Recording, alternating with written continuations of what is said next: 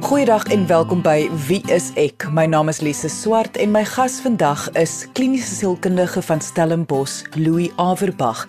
En ons gaan vandag gesels oor wat is die verskil tussen 'n kompulsiewe leienaar en 'n patologiese leienaar. Indien jy enige vrae het oor vandag se onderwerp, kan jy ons altyd kontak deur ons webwerf by www.wieisek.co.za. Maar kom ons luister nou eers na my gesprek met kliniese sielkundige van Stellenbosch, Louis Averbag, oor wat is die verskil tussen 'n kompulsiewe leienaar en 'n patologiese leienaar.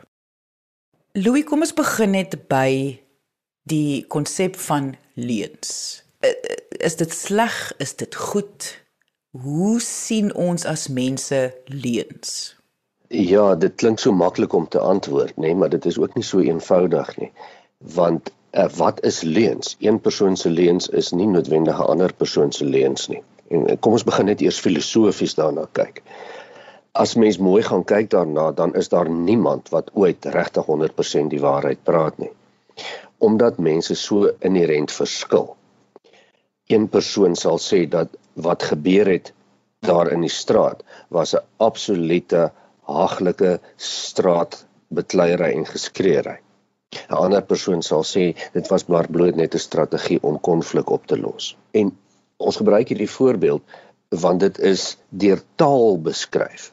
En die enigste gewoonlike manier wat ons mense beoordeel of hulle leuns vertel of nie is op grond van die taal wat hulle gebruik, die woorde, hulle beskrywing.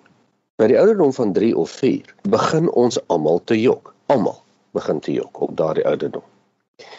Op hierdie punt in mense breinontwikkeling leer ons dat ons het 'n baie baie kragtige meganisme om die realiteit te kan beïnvloed en dit is taal. Deur middel van die klanke wat by ons mond uitkom, kan ons mense se reaksies stuur. En baie navorsing is hieroor gedoen dat kinders op die ouderdom van 3 of 4 begin jok, baie keer vir goeie redes, nê, nee, en dit word ook gesien as 'n baie positiewe mylpaal vir kinders. Kinders jok byvoorbeeld om hulle maatjies te beskerm. Hulle sal dalk sê nee, daardie persoon of daai maatjie van hulle was nie so stout geweest nie of hy of sy het dit nie gedoen nie. Jok hulle. Want dit kom uit 'n empatiese sosiale bewustheid. Jy kom agter dat as jy die woorde op 'n sekere manier gebruik, dan gaan jou maatjie nie in die moeilikheid kom nie. En dis dis 'n bietjie van 'n beskermingsmeganisme. En dis 'n goeie ding. As ons dan 'n bietjie ouer word, dan leer ons jong om te jok is verkeerd, dis sleg en ons moet dit nie doen nie. Maar die realiteit is dat ons almal jok. En dit hang nou af uit watter invalshoek jy gaan sê dit is goed of sleg. Kom ons neem die voorbeeld van 'n wit leuen. As mens volgens die definisie gaan van jy moet glad nooit jok nie, dan gaan jy as jou vrou of jou lewensmaat of jou vriendin vir jou vra, "Hoe lyk ek in hierdie rok?" En sy lyk regtig verskriklik sleg dan moet jy vir haar sê hoor die vriendin jy lyk verskriklik sleg. En baie mense is nie bereid om dit te doen nie. Hulle wil eerder sê ag nee maar weet jy jy lyk mooi. Want jy wil nie die vriendin se gevoel seermaak nie. Nou goed, ons kan debatteer of dit 'n goeie of 'n slegte plan is. Maar dit is ook soos die bekende hoe gaan dit antwoord. Hoeveel van ons daar's nie een persoon wat nog nie gejok het hieroor nie. Vra iemand vir jou hoe gaan dit dan sê jy goed dankie. Hoe gaan dit gaan lekker met my. Maar jy jok want dit gaan nie so lekker met jou nie. Maar dit is nie kontekstueel regverdigbaar om in daardie voorbeeld nou te gaan sê hoorie dit gaan vreeslik sleg met my sin dan vertel ek vir jou hoe sleg dit met my gaan nie. Nie in die meeste gevalle nie. So ons jok ook maar. Dit gaan baie moeilik wees vir baie mense om te hoor wat jy nou sê want daar is tog ook 'n waardesisteem wat saam met waarheid praat en om te lieg gaan. Met ander woorde baie mense gaan voel maar om te jok is nie net verkeerd vir die samelewing nie dis sommer verkeerd op 'n geloofsvlak Ja, maar ek bitter bitter min mense lees uh, het so wit en swart benadering daartoe. Meeste mense sê, luister om patologies te jok, om doelbewus te jok sodat dit tot die nadeel van ander mense is, is verkeerd. Dit sal die meeste mense vir jou sê. Meeste mense sal ook vir jou sê maar 'n wit leentjie hier en daar om mense se gevoelens te spaar of om ander nie seer te maak nie, is nie verkeerd. En daarom kan ons sê, miskien moet ons nie kyk na leuns nie, ons moet kyk na sekere forme van leuns wat vir mense aanvaarbaar is of nie. Want jok jok ons almal.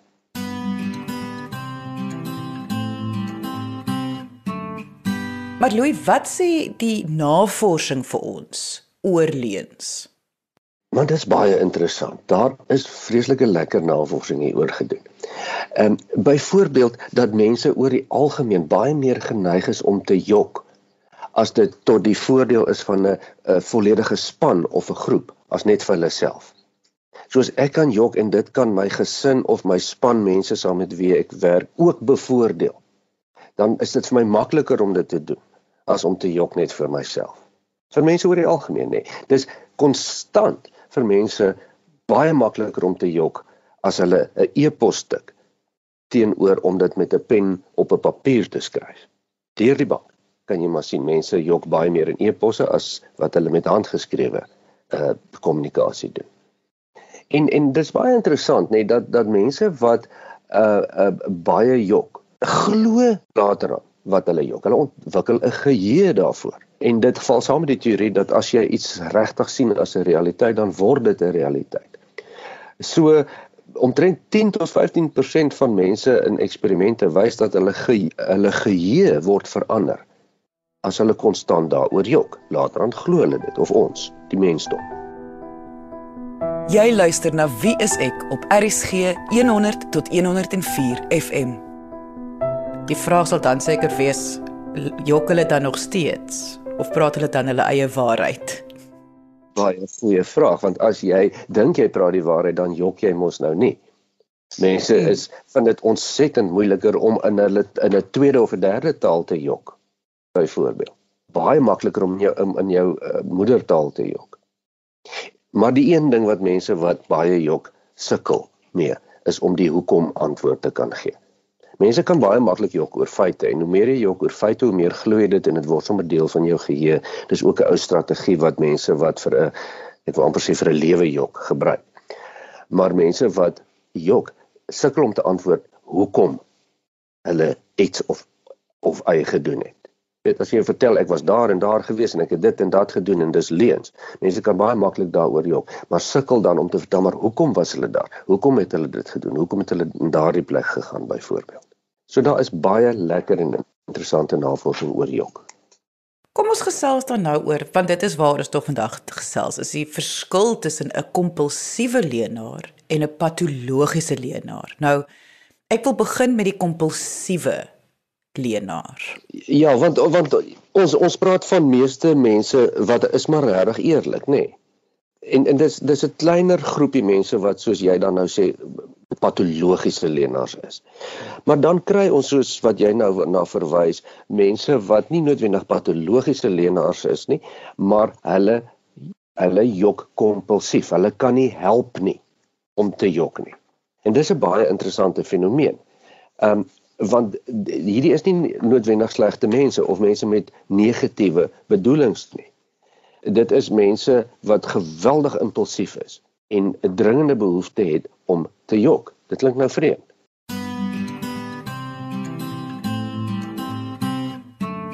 Ek wil net sê hou gou aan, hoe bedoel jy hulle kan dit nie help nie? Want ek bedoel ons almal het tog 'n keuse oor wat gaan die woorde wees wat uit jou mond uit gaan kom.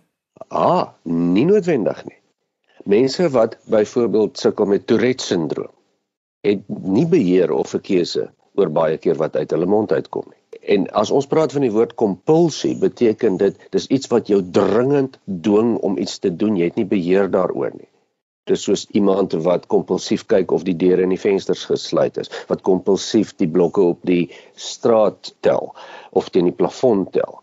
Iemand wat kompulsief hande was, selfs as iemand wat kompulsief jok En as jy kompulsief jok, is jy gewoonlik baie impulsiewe persoon en is baie moeilik om daai gewoonte te breek. En ons ons praat hier van van kompulsiewe leuns wat gewoonlik ontwikkel in in vroeë kinderontwikkeling. En dit ontwikkel gewoonlik waar dit nodig was om te jok vir on, vir oorlewing, vir sielkundige oorlewing. En dan raak dit 'n gewoonte en dit raak amper 'n sielkundige konstruk wat vassit. En mense wat kompulsief jok, is skaam daaroor. Hulle weet dit. Hulle weet dat hulle jok en hulle is baie skaam daaroor. Hulle kan dit net nie help nie. Dit gaan baie keer saam met uh, toestande soos aandagafleibaarheid, bipolêre verstoring, veral in 'n maniese fase, uh baie keer met van jou grenslyn persoonlikheidstrekke ehm um, is kry ons baie meer van die kompulsiewe leuns.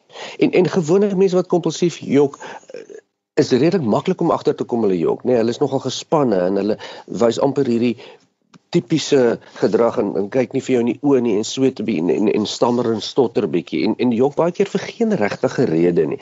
Onthou die verskil tussen 'n patologiese jok en 'n kompulsiewe jok. Mense wat kompulsief jok, het nie noodwendige rede hoekom hulle jok nie dit daar's nie 'n bose plan daar agter om iemand te na te kom of om iets uit mense uit te kry nie. Hulle jok maar net.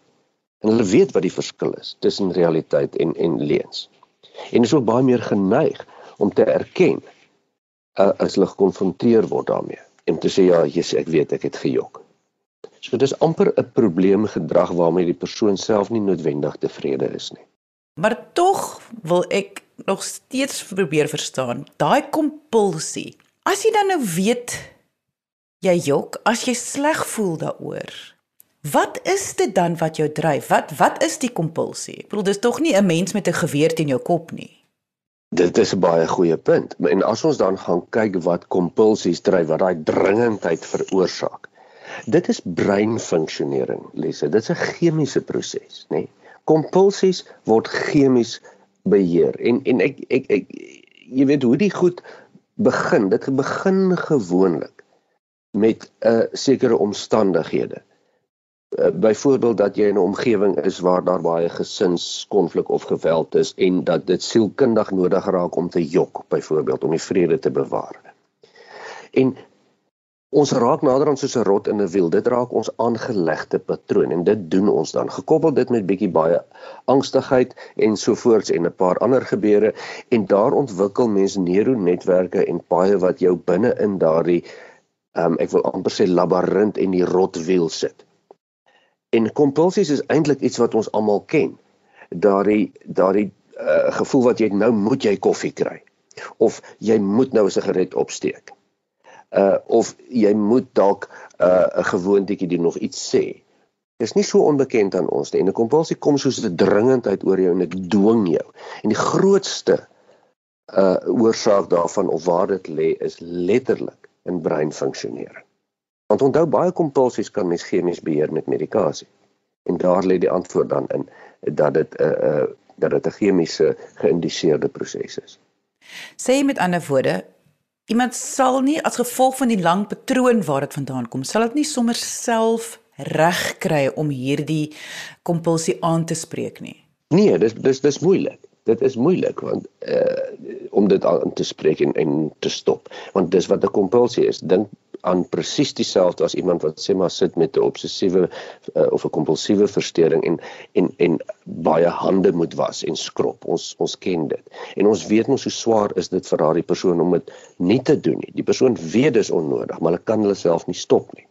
En dis wat ons kry as ons praat van kompulsiewe leuns. Dit is mense wat swaar kry. En dis anders as mense wat patologies doelbewus lieg en leuns om ander mense te na te kom verkondig. En dis nie mense wat noodwendig swaar kry nie.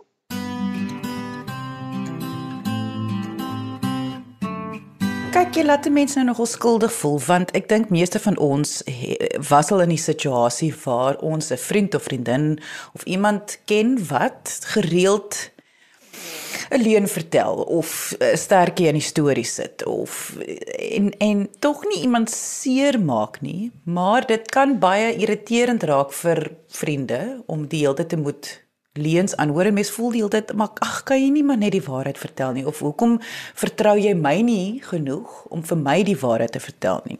Wat jy nou sê is ons empatie moet met die persoon lê, maar ek wil tog ook in die bres tree vir mense wat wel geïrriteerd is daarmee. Natuurlik. Kyk, maar as ons praat van mense wat kompulsief jok, dit is nie so baie mense nie. Dit is mense amper met 'n kompulsiewe verstoring nie. Dit is mense met wie ons baie empatie kan hê want hulle kan nie help nie. Iemand wat kan help, dis iemand wat net 'n patroon het om baie te jok. Is nie noodwendig 'n patologiese leenaar nie, maar net iemand wat baie jok, maar daar's nie 'n kompulsie wat dit dryf nie. Is iets anders. As as mens nou hierdie gaan kyk op 'n kontinuum, kry jy aan die een kant van die spektrum mense wat omtrent nooit jok nie of so probeer om so min as moontlik te jok. Aan die ander kant van die spektrum sal jy mense kry wat patologies jok, wat geweldig baie jok met 'n doel. Kom mense wat nie kan help om te jok nie, is baie nader aan die spektrum van mense wat patologies jok, maar dit is nie mense wat dit bedoel nie. Die res van ons is maar almal hier aan die kant van mense wat min jok tot bietjie meer jok. Want daar's mense wat tog meer jok en minder jok as ander mense, maar dis nie noodwendig mense wat patologiese leuns vertel nie. Jy weet mense wat patologies 'n leuns vertel. Uh daar's regtig navorsing hieroor gedoen. Dit is mense wat ten minste 5 of meer leuns per dag sal vertel. Uh dis mense wat gewoonlik jonger is, meer manlik is en hoër inkomste groepe is. Is ook meer geneig om vir hulle lewensmaats en hulle kinders te jok. Baie meer geneig as die gemiddelde persoon om te glo dat jok is aanvaarbaar in in in in baie omstandighede. En baie meer geneig natuurlik om te jok vir hulle eie onthaalwe as om vir ander mense se goed. Mense kan amper sê mense wat patologies jok en daar's navorsing wat dit on, ondersteun, vertel omtrent 19 tot 20 leuns vir elke een leuen wat by, wat deur die gemiddelde persoon vertel word. Goeie genigtig en alles word onderskei met die doelwit dat 'n patologiese leenaar het 'n doel om iets te bereik waar die een wat kompulsiewe leenaar is kan dit net nie help nie, hulle kan dit net nie verhoed nie. Ja, patologiese leuns is wat ons baie meer sou sou gaan assosieer met goed soos um, antisosiale persoonlikheidstrekke, net die die bekende uh, half half half psigopaat. Um, wat vir wie regtig nie omgee daaroor nie. Daar die leuns het 'n doel. Dit is om hulle sin te kry. Dis 'n manipulerende ding. Dit is 'n goed deurdagte ding. Dit is ekstravagante stories wat opgemaak word en in stand gehou moet word. En dit is nie so maklik om uit te vang nie, want dit is wat wat mense wat patologies jok voltyds doen. Hulle dink heeltyd aan skemas hoe om die waarheid te verdoesel tot hulle eie voordeel. Jok met selfvertroue en en blameer konstant op ander mense. Dis nie ek wat gejok het nie, dis jy wat my nie reg gehoor het nie.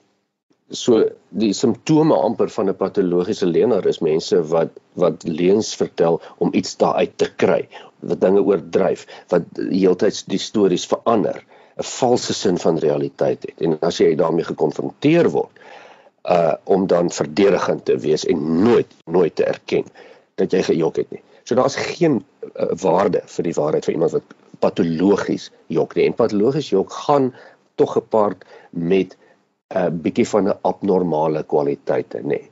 Terwyl 'n kompulsiewe iemand leenaar, iemand wat kompulsief moet jok, jok uit gewoonte uit kan mens amper sê. En iemand wat patologies jok, jok doelbewus vir eie gewin en is dan ook gewoonlik baie baie moeilik om in enige vorm van 'n verhouding mee te wees.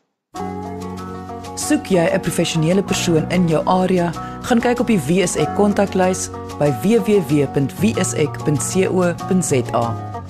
En ek neem aan dit sou die die onderskeid wees hoe mense dit sou kon agterkom is wanneer mens die persoon konfronteer oor die leuns. Daar sal mens die verskil dan kan agterkom. Ja, jy weet meeste van ons, meeste mense wat wat eintlik gereeld jok sonder dat ons dit agterkom, wat nou nie patologies jok nie.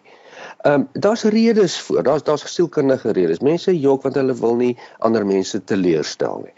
Mense jok want hulle wil nie kontrole opgee nie, nê. Nee ensovoorts ensovoorts. Baie keer jok mense want jy wil hê iets moet die waarheid wees. Byvoorbeeld uh uh uh die bekende spreekwoord wees die verandering wat jy wil sien in die wêreld. Gandhi se woorde. Gandhi het dit nooit gesê nie. Ons wil graag hê Gandhi moes dit gesê het. So dit word Gandhi se spreekwoord. Dit is ons aard.